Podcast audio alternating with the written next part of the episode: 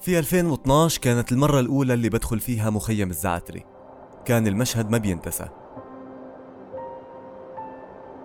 الخيام منثورة في صحراء كبيرة بمحافظة المفرق الأردنية. ما كان حدا بتخيل إنه هالمنطقة المنسية راح تكون مأهولة بالسكان بهذا الوقت القصير. كل شي بتذكره في أول مهمة صحفية إلي في الزعتري هي مشاهد الخيام. الحمامات العمومية أنابيب نقل المياه الأطفال اللي بحاولوا يتعرفوا على المكان والشباب الأردنيين اللي ما قصروا.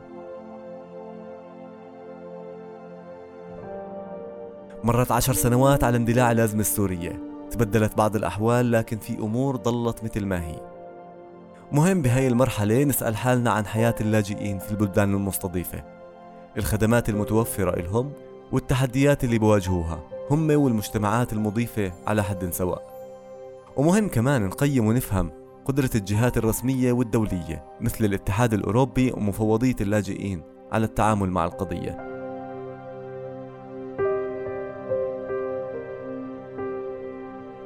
أنا معكم أنس ضمرة في بودكاست تكاتف اللي رح نحكي فيه عن عشر سنوات من الاستجابة للأزمة السورية في الأردن.